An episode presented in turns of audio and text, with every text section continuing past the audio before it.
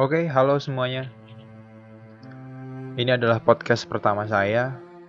Uh, saya Syah Mahendra, seorang mahasiswa. Di sini saya ingin membacakan sebuah buku yang berjudul Sejarah Dunia yang Disembunyikan. Buku ini penuh dengan teori dan fakta-fakta yang sering kita sebut dengan konspirasi. Dan podcast ini akan menambah literasi Anda yang belum sempat membaca atau ingin dibacakan oleh orang lain. Pada episode ini, saya akan membacakan isi dari awal mula. Tuhan mengawasi pantulannya. Kaca pelihat alam semesta itu adalah bab pertama dari buku sejarah yang disembunyikan karya Jonathan Black. Kalian juga bisa cari versi videonya di YouTube dengan keyword cerita dari buku sejarah dunia yang disembunyikan. Dan semoga saya tetap konsisten dan melanjutkan ke bab-bab selanjutnya sampai buku ini selesai. Selamat menikmati. Awal mula. Pada suatu masa, tidak ada waktu sama sekali. Waktu hanyalah ukuran untuk perubahan posisi benda-benda di alam raya. Dan yang diketahui para ilmuwan, mistis atau orang gila, pada masa permulaan tidak ada benda di alam raya. Misalnya, satu tahun adalah satu ukuran dari pergerakan bumi mengitari matahari. Satu hari adalah ulangan putaran bumi pada porosnya. Karena baik bumi maupun matahari ada dengan sendirinya sejak awal. Para penulis Alkitab tidak pernah berniat mengatakan bahwa segalanya diciptakan dalam tujuh hari, dalam artian perhitungan hari biasa. Kendati pun tiada materi, ruang, dan waktu pada awalnya, sesuatu harus terjadi untuk membuat yang lainnya bermula. Dengan kata lain, sesuatu harus telah terjadi sebelum ada apa-apa. Ketika belum ada benda apa pun saat satu hal yang pertama harus terjadi, tepat untuk mengatakan bahwa yang pertama terjadi pasti sangat berbeda dari kejadian-kejadian lainnya yang kami catat dalam istilah hukum fisika. Mungkin masuk akal untuk mengatakan bahwa yang kali pertama terjadi lebih merupakan kejadian mental daripada kejadian fisik. Gagasan tentang kejadian mental yang menghasilkan efek fisika mungkin pada awalnya tampak kontraintuitif, tetapi kenyataannya itu adalah sesuatu yang kita alami sepanjang waktu. Misalnya, apa yang terjadi ketika gagasan muncul dalam benak saya?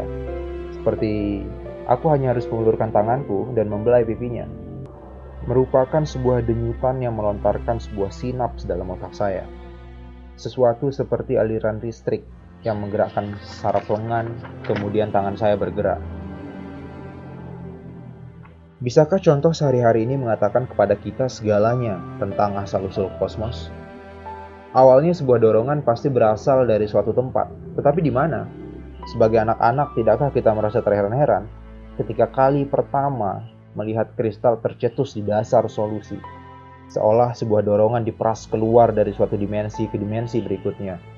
Dalam sejarah ini, kami akan melihat bagaimana bagi sebagian besar tokoh sejarah yang cemerlang menjelaskan tentang lahirnya alam semesta, transisi misterius dari nir materi ke materi. Dengan cara sedemikian rupa, mereka telah membayangkan sebuah dorongan keluar dari dimensi yang berbeda memasuki yang lain, memasuki yang ini. Dan mereka telah memahami dimensi yang lain itu sebagai pikiran Tuhan. Ketika Anda masih ada di perbatasan, dan sebelum Anda akan memboroskan waktu lagi untuk sejarah ini, saya harus menjelaskan bahwa saya akan mencoba membujuk Anda untuk mempertimbangkan sesuatu yang mungkin dianggap tidak apa-apa bagi orang mistis atau orang gila, tetapi tidak akan disukai oleh ilmuwan. Seorang ilmuwan tidak akan menyukainya sama sekali. Kini, pada umumnya para pemikir kelas atas, akademisi seperti Richard Dawkins, di Charles Simoni, profesor dari Public Understanding of Science di Oxford, dan tokoh-tokoh materialis militan lainnya yang mengatur dan memelihara pandangan dunia ilmiah. Pikiran Tuhan tidak lebih baik daripada gagasan laki-laki tua berambut putih di atas awan. Ini kesalahan yang sama, kata mereka, yang dibuat oleh anak-anak dan suku-suku primitif. Mereka menduga Tuhan pastilah seperti mereka, antropomorfik yang keliru. Bahkan jika kita mengaku bahwa Tuhan mungkin memang ada, mereka berkata, "Mengapa Ia harus seperti kita? Mengapa pikirannya harus seperti pikiran kita?" Kenyataannya adalah bahwa mereka benar. Tentu saja tidak ada alasan sama sekali, kecuali sebaliknya. Dengan kata lain, satu-satunya mengapa pikiran Tuhan mungkin seperti pikiran kita adalah jika pikiran kita dibuat seperti pikirannya, yaitu jika Tuhan membuat kita dengan citranya. Dan inilah yang terjadi dalam buku ini, karena dalam sejarah ini segalanya serba terbalik. Di sini segalanya jungkir balik dan berkebalikan. Pada halaman-halaman berikutnya, Anda akan diundang untuk berpikir tentang hal-hal terakhir yang diminta oleh orang-orang yang menjaga dan memelihara konsensus untuk Anda pikirkan. Anda akan dipaksa untuk berpikir tentang gagasan-gagasan terlarang dan merasakan filosofi-filosofi yang dipercaya oleh pemimpin-pemimpin intelektual modern kita sebagai bid'ah, bodoh, dan gila. Izinkan saya sesegera mungkin meyakinkan Anda kembali bahwa saya tidak akan mencoba membingungkan dengan perdebatan akademis, mencoba untuk membujuk Anda dengan argumen filosofis bahwa gagasan-gagasan terlarang ini benar. Argumen resmi yang setuju dan menentang bisa ditemukan dalam karya akademis standar. Namun, apa yang akan saya lakukan adalah meminta Anda untuk merentangkan imajinasi Anda. Saya ingin Anda membayangkan bagaimana rasanya melihat dunia ini, melihat dunia dan sejarah dari sudut pandang sejauh mungkin dari titik yang pernah Anda pelajari.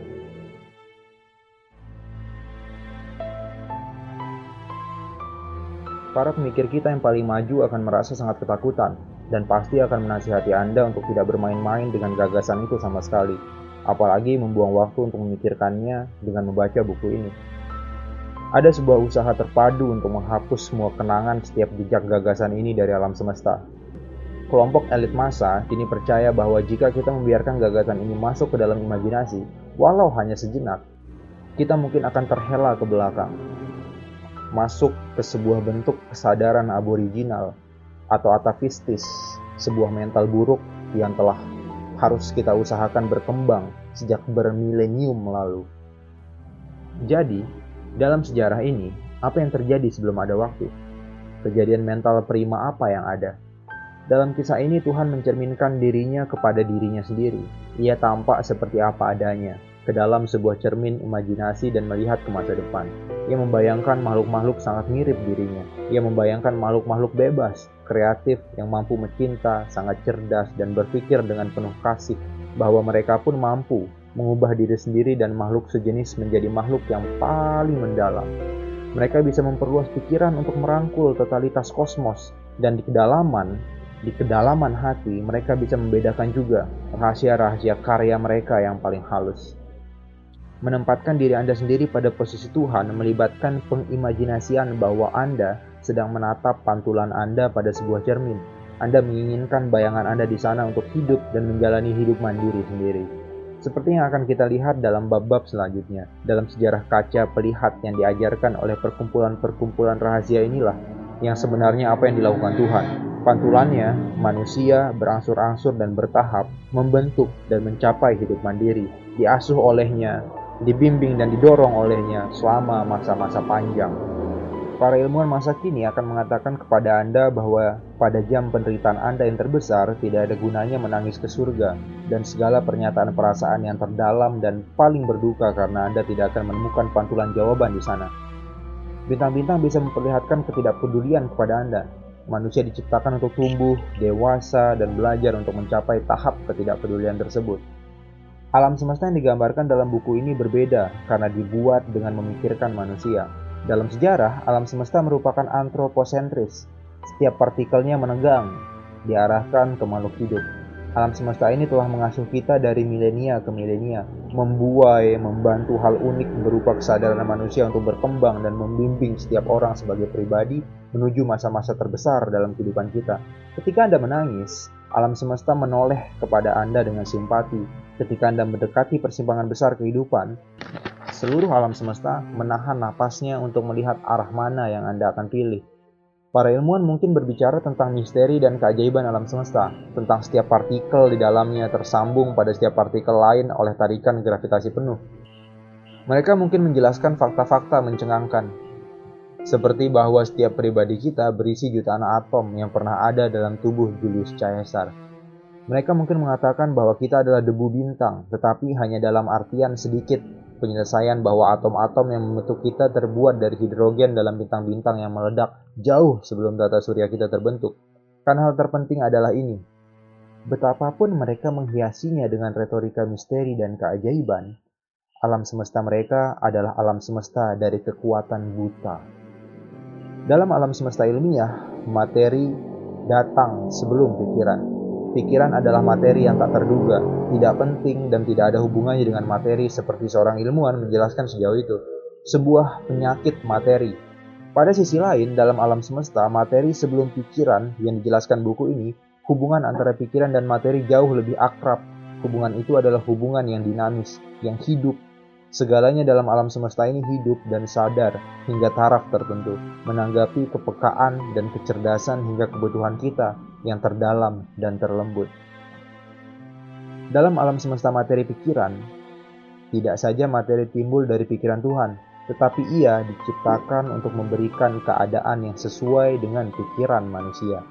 Lebih lagi, pikiran manusia masih tetap sebagai pusat dari kosmos, mengasuhnya dan menanggapi keperluannya oleh karena itu, materi digerakkan oleh pikiran manusia, mungkin tidak untuk lingkup yang sama, tapi dalam cara yang sama bahwa materi digerakkan oleh pikiran Tuhan. Pada 1935, seorang fisikawan Austria, Erwin Schrödinger, merumuskan percobaan teoritisnya yang terkenal, Schrödinger's cat, untuk menjelaskan bagaimana kejadian-kejadian berubah ketika mereka menelitinya. Akibatnya, ia membawa ajaran-ajaran perkumpulan rahasia tentang pengalaman sehari-hari dan menerapkannya pada alam subatomis. Pada keadaan tertentu, pada masa kanak-kanak, kita semua bertanya-tanya, apakah sebuah pohon yang tumbang benar-benar bersuara jika terjadi di tengah hutan dan tidak ada orang yang mendengarnya di sana? Tentu, kita mengatakan, bunyi yang tidak terdengar oleh siapa pun tidak layak dijelaskan sebagai bunyi Perkumpulan-perkumpulan rahasia itu mengajarkan bahwa spekulasi seperti itu benar. Menurut mereka, sebuah pohon hanya tumbang di tengah hutan, betapapun jauhnya sehingga orang di suatu tempat dan pada waktu itu terpengaruh olehnya. Tidak ada yang terjadi di mana pun di kosmos ini kecuali ada hubungannya dengan pikiran manusia. Dalam pengalaman Schrödinger, seekor kucing duduk di dalam sebuah kotak dengan materi radioaktif yang memiliki kemungkinan 50% bisa membunuh kucing itu. Baik kucing itu mati maupun hidup kemungkinannya tetap 50% terjadi pada waktunya, seperti adanya. Sehingga kita membuka kotak itu untuk melihat apa yang ada di dalamnya. Dan ketika itulah peristiwa yang sesungguhnya, peristiwa mati atau selamatnya kucing itu terjadi. Setelah melihatnya, kita baru tahu apakah kita membunuh atau menyelamatkan kucing itu. Perkumpulan-perkumpulan rahasia itu selalu mempertahankan pendapat bahwa keseharian dunia berperilaku sama. Dalam dunia perkumpulan-perkumpulan rahasia itu, sebuah koin yang dilempar berkali-kali dalam keadaan laboratori yang ketat akan tetap mendarat dengan gambar kepala di atas sebanyak 50% dan gambar ekor 50% dari kasus-kasus menurut hukum probabilitas. Bagaimanapun, hukum tersebut hanya akan berlaku dalam keadaan laboratori. Dengan kata lain, hukum tersebut hanya bisa diterapkan ketika semua subjektivitas manusia sengaja ditiadakan. Dalam keadaan hal-hal biasa, ketika kebahagiaan manusia dan harapan untuk mencukupi diri sendiri tergantung pada hasil dari putaran dadu, maka hukum probabilitas dibelokkan. Maka hukum-hukum yang lebih mendalam akan berlaku. Akhir-akhir ini kita semua merasa nyaman dengan kenyataan bahwa keadaan emosional mempengaruhi keadaan jasmani kita. Dan selanjutnya, perasaan yang mendalam itu bisa mengakibatkan perubahan mendalam dan lama. Apakah untuk menyembuhkan atau melukai? Dampak psikometis namun, dalam alam semesta yang dijelaskan buku ini, keadaan emosional kita langsung mempengaruhi keadaan luar tubuh kita juga. Dalam alam semesta psikometris, perilaku dari objek fisik dalam ruang langsung dipengaruhi oleh keadaan mental tanpa kita melakukan apa pun terhadap hal itu. Kita bisa menggerakkan materi dengan cara memandanginya. Dalam Chronicle Volume 1, buku kenangan Bob Dylan, yang baru saja diterbitkan, ia menulis tentang apa yang akan terjadi jika seorang pribadi mengubah waktu hidupnya. Untuk melakukan ini, Anda harus memiliki kekuatan dan dominasi atas roh-roh. Aku pernah melakukannya sekali. Ia menulis bahwa pribadi seperti itu mampu untuk melihat ke dalam hati benda-benda, kebenaran sejati hal-hal. Bukan metaforis juga, tetapi benar-benar melihat, seperti menatap logam dan membuatnya meleleh. Melihat seperti apa adanya dengan kata-kata keras dan pemahaman keji. Perhatikan penekanan bahwa ia tidak sedang berbicara tentang metaforis.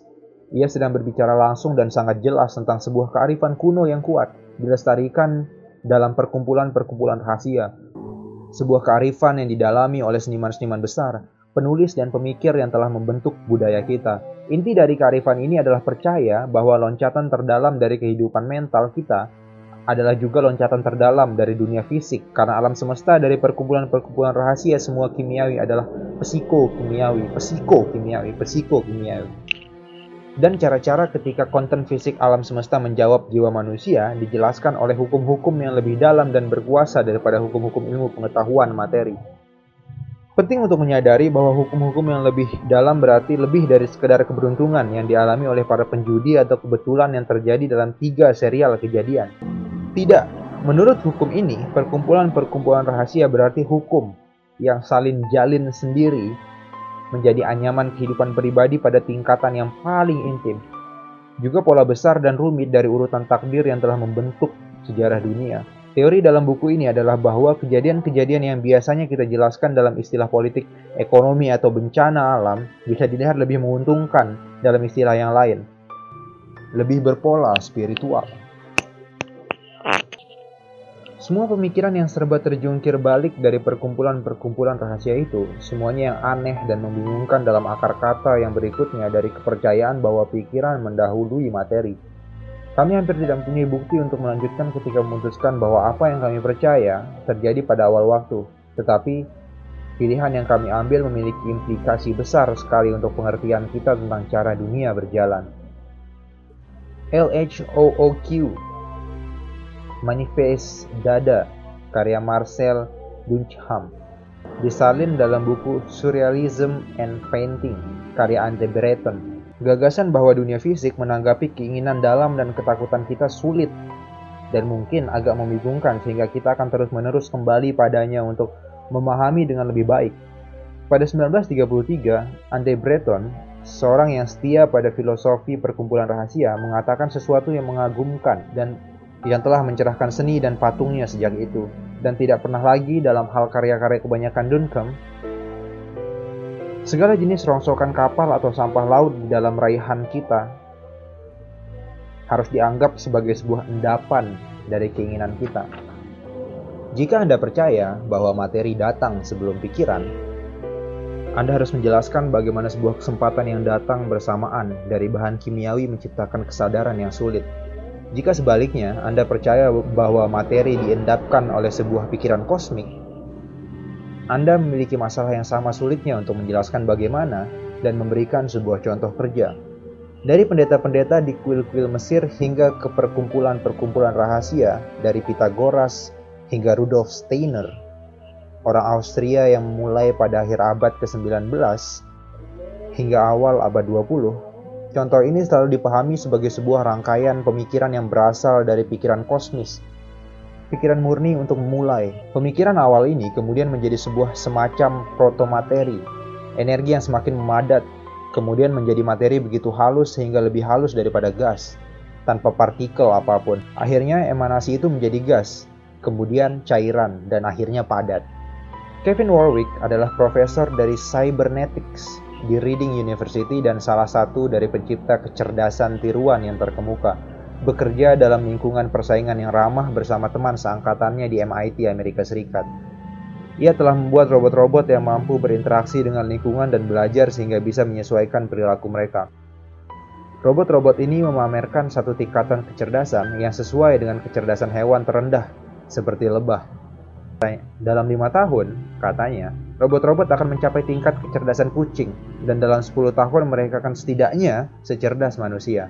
Ia juga sedang membuat sebuah generasi baru komputer robot yang diharapkannya mampu merancang dan membuat komputer lain. Setiap tahapannya membuat komputer yang lebih rendah satu tingkat di bawahnya.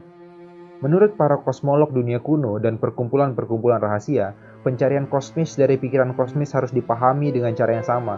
Ketika bergerak ke bawah, dalam sebuah hierarki dari yang lebih tinggi dan lebih berkuasa, dan merupakan prinsip yang menjalar ke lebih sempit dan lebih khusus. Tiap-tiap tingkat menciptakan dan mengarahkan ke tingkatan yang ada di bawahnya.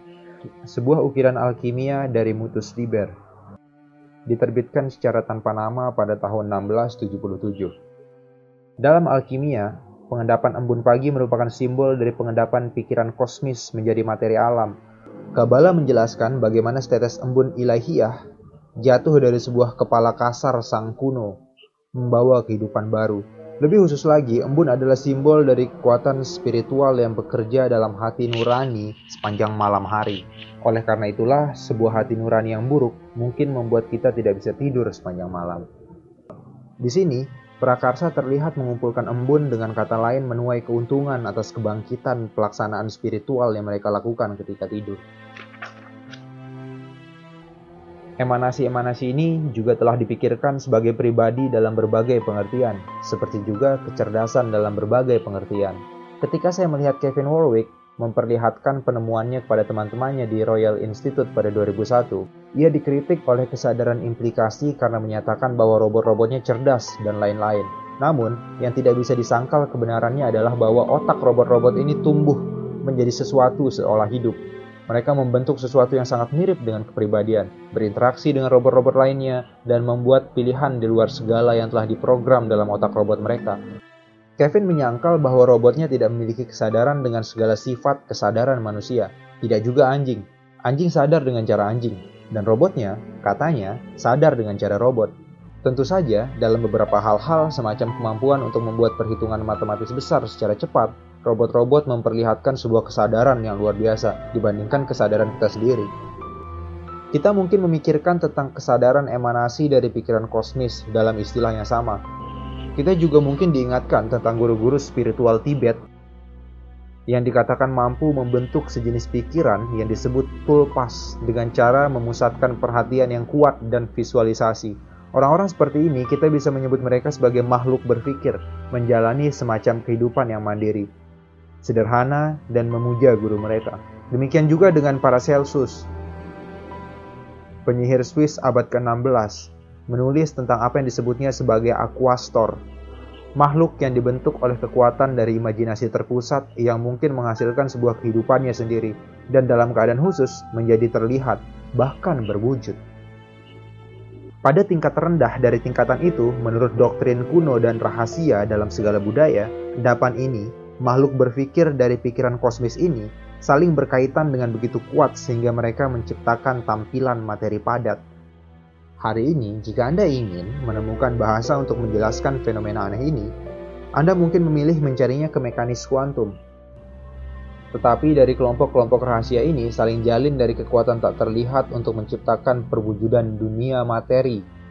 Sudah dipahami sebagai jaring, cahaya, dan warna atau menggunakan istilah alkimia matrix. Ilmuwan terkemuka bertanya, apakah kehidupan hanya sebuah mimpi?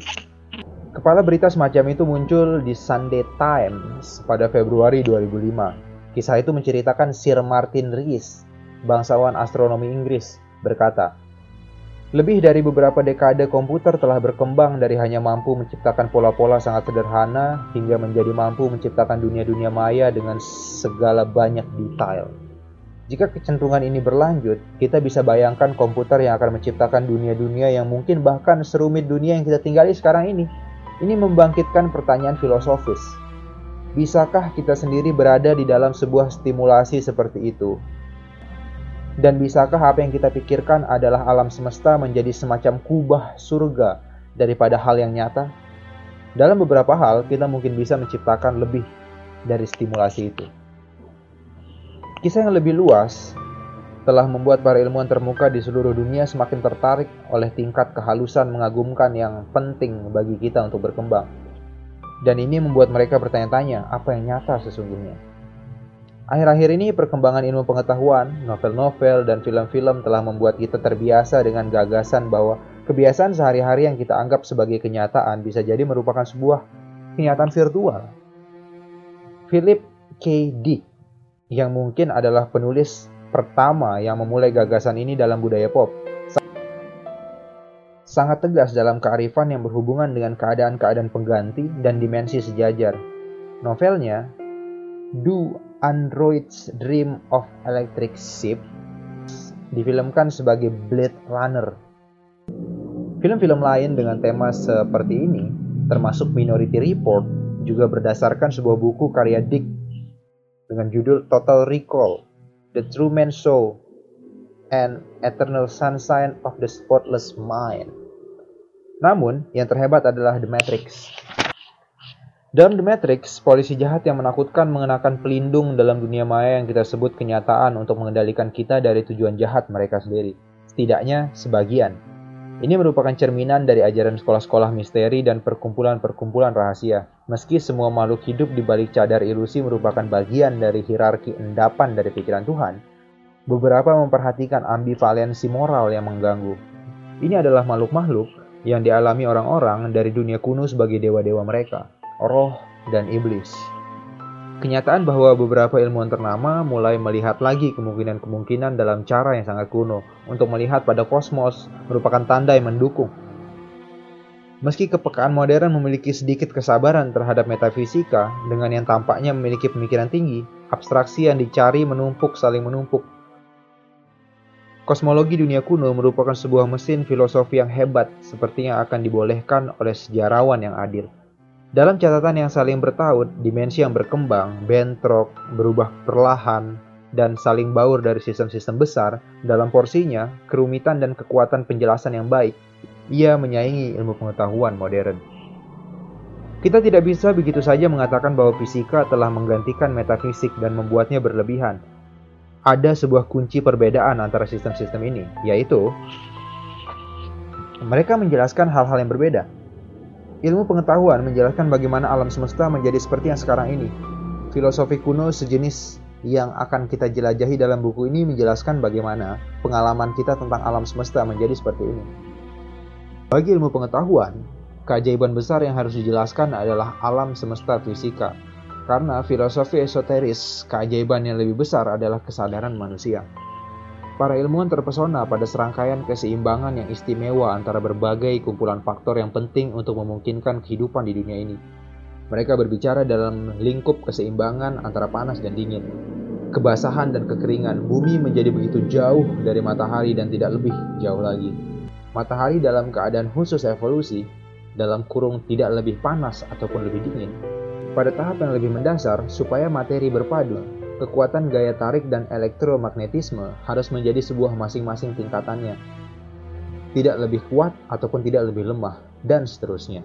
Melihat dari sudut pandang filosofi esoteris, kita bisa mulai menyaksikan bahwa serangkaian hal yang sama hebatnya dari keseimbangan telah menjadi penting untuk membuat kesadaran subjektif seperti apa adanya. Dengan kata lain, memberikan susunan yang dimilikinya untuk pengalaman kita. Keseimbangan yang saya bicarakan lebih daripada memiliki keseimbangan pikiran dalam arti sehari-hari. Maksud saya, memiliki emosi yang sehat dan tidak terlalu kuat. Saya membicarakan hal yang lebih mendalam, sesuatu yang penting. Misalnya, apa yang diperlukan untuk memungkinkan internal naratif, kumpulan kisah yang kita jalin bersama untuk membentuk dasar perasaan kedirian kita. Jawabannya adalah tentu saja kenangan. Hanya dengan mengingat apa yang saya lakukan kemarin, saya bisa mengenali diri saya sendiri sebagai seorang yang melakukan hal-hal ini. Kuncinya adalah bahwa ini adalah sebuah tingkatan khusus dari kenangan yang diperlukan. Apakah itu lebih kuat atau lebih lemah? Seorang penulis novel Italia, Italo Calvino, salah satu dari penulis modern yang telah mengikuti filosofi kuno dan mistis, menyatakan dengan tepat. Kenangan harus cukup kuat untuk memungkinkan kita bertindak tanpa melupakan apa yang kita ingin lakukan, untuk belajar tanpa berhenti untuk menjadi orang yang sama. Tetapi, kenangan juga harus cukup lemah sehingga mengizinkan kita untuk terus bergerak menuju masa depan. Keseimbangan lainnya juga penting untuk memungkinkan kita berpikir dengan bebas, untuk mengenyam pikiran di sekitar pusat rasa kedirian kita. Kita harus mampu melihat bagian luar dunia melalui rasa tetapi juga sama pentingnya untuk tidak kewalahan karena sensasi yang bisa menguasai seluruh ruang mental kita. Kemudian, kita tidak akan bisa merenungi ataupun berhayal bahwa keseimbangan ini dianggap sebagai luar biasa dalam caranya. Misalnya, kenyataan bahwa planet kita tidak terlalu jauh, juga tidak terlalu dekat dengan matahari. Kita juga memiliki kemampuan untuk menggerakkan titik kesadaran di sekitar kehidupan bagian dalam kita, seperti sebuah kursor pada sebuah layar komputer sebagai hasil dari ini, kita memiliki kebebasan untuk apa yang kita pikirkan. Jika tidak memiliki hak keseimbangan ketertarikan dan kebebasan dari dorongan bagian dalam kita, seperti juga dari persepsi tentang dunia luar, maka saat ini juga Anda tidak akan memiliki kemerdekaan memilih untuk menjauhkan perhatian Anda dari halaman yang Anda lihat sekarang dan tidak ada kemerdekaan untuk memikirkan hal lainnya lagi. Dan sangat penting, jika keadaan yang paling mendasar dari kesadaran manusia tidak ditandai dengan kumpulan keseimbangan yang sangat halus, tidak akan mungkin untuk kita berpikir bebas atau bebas berbuat. Ketika tiba pada titik tertinggi dari pengalaman manusia, apa yang disebut psikolog Amerika Abraham Maslow sebagai puncak pengalaman. Bahkan keseimbangan yang lebih lembut pun dibutuhkan. Misalnya, kita mungkin diminta untuk membuat keputusan pada titik balik besar dalam kehidupan kita. Lagi, ini umum. Jika bukan pengalaman manusia universal yang jika kita coba untuk kembangkan apa yang benar untuk dilakukan dalam hidup dan menggunakan kecerdasan kita, jika kita mengerjakannya dengan sepenuh hati, jika kita bersabar dan baik, kita bisa hanya membedakan hal yang benar untuk dilakukan. Dan begitu membuat keputusan yang benar, Jalan pilihan dari tindakan itu mungkin akan memerlukan semua kekuatan kemauan yang ada pada kita. Kemungkinan selama kita bisa bertahan, jika kita akan berhasil menyelesaikannya, ini tepat di tengah-tengah dari apa yang dimaksudkan pengalaman hidup sebagai seorang manusia. Tidak terelakkan tentang kesadaran kita memiliki susunan yang memungkinkan kemerdekaan, kesempatan untuk memilih melakukan hal yang benar, untuk tumbuh dan berkembang menjadi baik, Mungkin bahkan orang-orang yang bersifat pahlawan, kecuali jika Anda percaya pada takdir, yang mengatakan bahwa itu memang sudah seharusnya terjadi. Oleh karena itu, kesadaran manusia merupakan keajaiban. Jika hari ini kita berniat mengabaikannya, orang-orang kuno justru tergugah karena kehebatannya. Seperti akan kita lihat, para pemimpin cendikiawan mereka mengikuti perubahan-perubahan halus dalam kesadaran manusia dengan sama tekunnya dengan para ilmuwan modern mengikuti perubahan lingkungan fisik Catatan sejarah mereka dengan kejadian-kejadian mistis dan supranaturalnya merupakan catatan tentang bagaimana kesadaran manusia berkembang. Ilmu pengetahuan modern berusaha untuk memaksa sebuah pandangan sempit dari kesadaran kita. Ia berusaha meyakinkan kita tentang ketidaknyataan elemen-elemen, bahkan elemen-elemen yang sangat tetap yang tidak bisa dijelaskan. Ini termasuk kekuatan doa yang tidak terang, firasat, perasaan seperti ditatap, kesaksian kemampuan membaca pikiran, pengalaman keluar dari tubuh, kebetulan yang bermakna, dan hal-hal lain yang disembunyikan oleh ilmu pengetahuan modern. Dan yang sangat, sangat lebih penting, ilmu pengetahuan dalam keadaan dikurangi menyangkal pengalaman manusia universal yang menyatakan kehidupan memiliki makna. Beberapa ilmuwan bahkan menyangkal bahwa pertanyaan apakah kehidupan memiliki makna atau tidak layak dipertanyakan. Kita akan melihat dalam perjalanan sejarah ini bahwa sebagian besar orang pandai yang pernah hidup telah menjadi pengikut setia filosofi esoteris. Saya percaya ini bahkan bisa menjadi kasus bahwa setiap orang cerdas telah berusaha menemukannya dalam suatu waktu.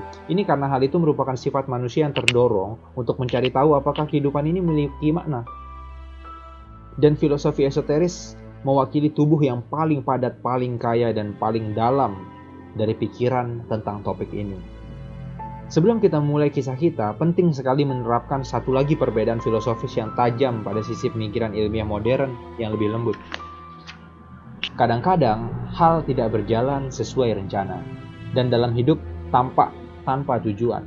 Namun, kemudian pada lain waktu kehidupan kita tampak memiliki makna. Misalnya, kehidupan kadang-kadang tampak seolah menikung di tempat yang salah, tidak lulus ujian, kehilangan pekerjaan, atau percintaan kita berakhir.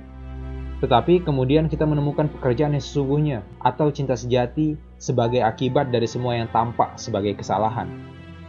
Atau terjadi ketika seseorang memutuskan untuk membatalkan masuk ke dalam pesawat yang kemudian jatuh. Jika hal seperti itu terjadi, kita mungkin merasa seolah seseorang di atas sana menjaga kita bahwa langkah kita telah dibimbing. Kita mungkin memiliki perasaan yang semakin tinggi dari kegentingan hidup. Betapa mudah hal-hal berubah menjadi berbeda jika tidak karena dorongan yang nyaris tak terlihat mungkin juga dari dunia lain. Demikian juga dengan bagian dari kita yang berorientasi ilmiah dan rendah hati. Kita mungkin melihat sebuah kebetulan sebagai sebuah kesempatan yang datang bersamaan dengan kejadian-kejadian yang berhubungan. Namun, kadang-kadang di dalam hati kita menduga bahwa kebetulan itu sama sekali tidak ada hubungannya dengan kesempatan. Dalam kebetulan-kebetulan, kadang kita merasa menangkap satu petunjuk, walau yang sulit dipahami, dari sebuah pola yang bermakna mendalam, tersembunyi di belakang kekacauan pengalaman sehari-hari. Dan kadang-kadang orang menemukan tepat ketika harapan tampak menghilang. Kebahagiaan ditemukan pada sisi lain keputusasaan, atau kebencian terpendam menyembunyikan bakteri cinta yang bertumbuh. Untuk alasan-alasan itu, kita akan membahasnya kemudian. Pertanyaan-pertanyaan tentang kebahagiaan akhir-akhir ini terhubung erat dengan pendapat-pendapat tentang cinta seksual. Jadi sering pengalaman jatuh cinta yang memberi kami perasaan bahwa ini memang sudah seharusnya terjadi. Baru-baru ini, para ilmuwan terkemuka dikutip secara luas telah membual bahwa ilmu pengetahuan nyaris menemukan penjelasan atau makna dari segala hal dalam kehidupan dan alam semesta. Ini biasanya dalam hubungannya dalam teori senar, sebuah teori, kata mereka, singkatnya disusun dari segala kekuatan alam yang akan menggabungkan hukum gaya tarik dengan fisik dunia kuantum. Maka, kita akan bisa menghubungkan hukum-hukum yang masuk akal yang mengatur objek-objek yang bisa kita mengerti dengan perilaku fenomena yang sangat berbeda dalam alam subatomis. Begitu teori ini disusun, kita akan memahami tentang susunan, keaslian, dan masa depan kosmos. Kita akan mencatat segala yang ada, karena kata mereka tidak akan ada yang lainnya. Sebelum kita bisa belajar rahasia-rahasia para calon anggota dan mulai mengerti kepercayaan mereka yang aneh tentang sejarah, penting untuk mengerti dengan jelas tentang perbedaan antara makna seperti apa adanya dan hubungannya dengan pertanyaan-pertanyaan tentang kehidupan dan makna seperti yang digunakan para ilmuwan di sini. Seorang pemuda bersiap-siap menemui kekasihnya untuk berkencan, tetapi gadis itu meninggalkannya. Pemuda itu sakit hati dan marah. Ia ingin memahami hal menyakitkan yang terjadi terhadap dirinya. Ketika ia mengejar dan menanyainya, pertanyaan yang diulang-ulangnya adalah mengapa, mengapa, mengapa. Karena aku ketinggalan bus, kata gadis itu. Karena aku terlambat keluar kantorku. Karena aku sibuk dan tidak memperhatikan waktu. Karena aku tidak senang akan sesuatu. Lalu pemuda itu mendesak dan terus mendesak hingga mendapatkan apa yang dicarinya semacam itu. Karena aku tidak mau berjumpa lagi denganmu. Itu yang dicarinya. Ketika kita bertanya mengapa, bisa ditanggapi dengan dua cara. Apakah jawaban pertama gadis itu yang terkesan mengelak, yang artinya sama dengan bagaimana, yang mengatakan jawaban-jawaban menuntut tentang sebuah rangkaian sebab dan akibat dari atom berbenturan dengan atom, atau selain itu, mengapa bisa dipahami dalam cara pemuda itu ingin dijawab, yang merupakan cara untuk mencoba mengorek tujuan. Demikian juga ketika bertanya tentang makna dari kehidupan dan alam semesta, kita tidak benar-benar bertanya seputar bagaimana, tetapi tentang sebab dan akibat dari bagaimana kondisi dan elemen-elemen yang tepat itu bersatu untuk membentuk materi, bintang, planet, materi organik, dan sebagainya. Kita sekarang bertanya tentang tujuan di belakang itu semua. Jadi, pertanyaan besar tentang mengapa, mengapa kehidupan, mengapa alam semesta, sebagai sebuah materi dari perbedaan filosofis yang paling dasar, tidak bisa dijawab oleh para ilmuwan, atau lebih tepatnya tidak oleh para ilmuwan yang bertindak dalam kapasitas mereka sebagai ilmuwan. Jika kita bertanya mengapa, mengapa kita di sini, kita mungkin terperdaya dengan jawaban-jawaban yang seperti jawaban pertama gadis itu, benar dengan sempurna, dengan artian jawaban itu benar secara tata bahasa untuk pertanyaan itu, tetapi menyebabkan kecewaan dalam hati pemuda itu kan tidak menjawab pertanyaan yang sebenarnya kita harapkan. Kenyataannya adalah bahwa kita semua memiliki sebuah kursi khusus. Mungkin dambaan tidak bisa dihilangkan pada pertanyaan semacam itu untuk dijawab pada tingkat tujuan. Para ilmuwan yang tidak mengerti perbedaan ini, betapapun cerdasnya mereka sebagai ilmuwan adalah orang-orang yang dangkal dalam filosofi.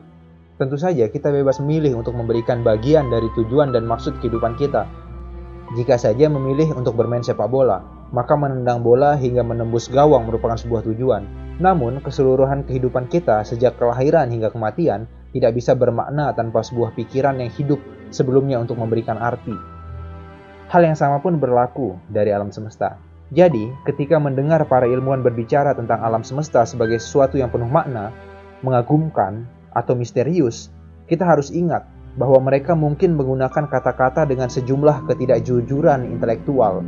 Sebuah alam semesta yang ateistis hanya bisa bermakna mengagumkan atau misterius dalam sebuah artian kurang penting atau agak mengecewakan. Dalam arti yang sama ketika tukang sulap mengatakan ajaib di panggung dan benar ketika tiba pada pertimbangan pertanyaan besar tentang kehidupan dan kematian, sebuah persamaan dari ilmu pengetahuan sedikit lebih sulit dan jauh dari sekedar mengatakan kami tidak tahu.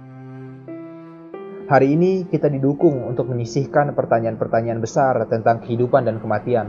Mengapa kita di sini? Apa arti kehidupan? Pertanyaan-pertanyaan seperti itu benar-benar tidak ada maknanya. Kita diberitahu begitu. Terimalah, terima sajalah. Dan kita kehilangan beberapa makna tentang betapa anehnya hidup ini. Buku ini telah ditulis dalam kepercayaan bahwa sesuatu yang bernilai dalam bahaya karena dihirup sekaligus dan akibatnya kita tidak terlalu hidup seperti dulu lagi. Saya menyarankan bahwa jika kita melihat pada dasar keadaan manusia dari sudut yang berbeda, kita mungkin memahami bahwa ilmu pengetahuan tidak benar-benar tahu sebanyak yang diakuinya, bahwa ia gagal mengungkap apa yang terdalam dan tertinggi dalam pengalaman manusia.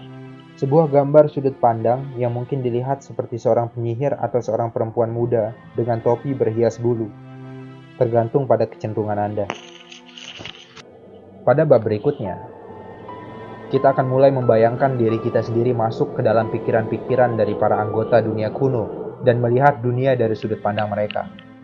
Kita akan mempertimbangkan kearifan kuno yang telah kita lupakan dan melihat bahwa sudut pandangnya, bahkan hal-hal yang oleh ilmu pengetahuan modern didorong untuk dipikir sebagai yang paling solid, bisa dipastikan benar. Sebenarnya hanya sebuah materi penafsiran, sedikit lebih dari sebuah tipu daya cahaya.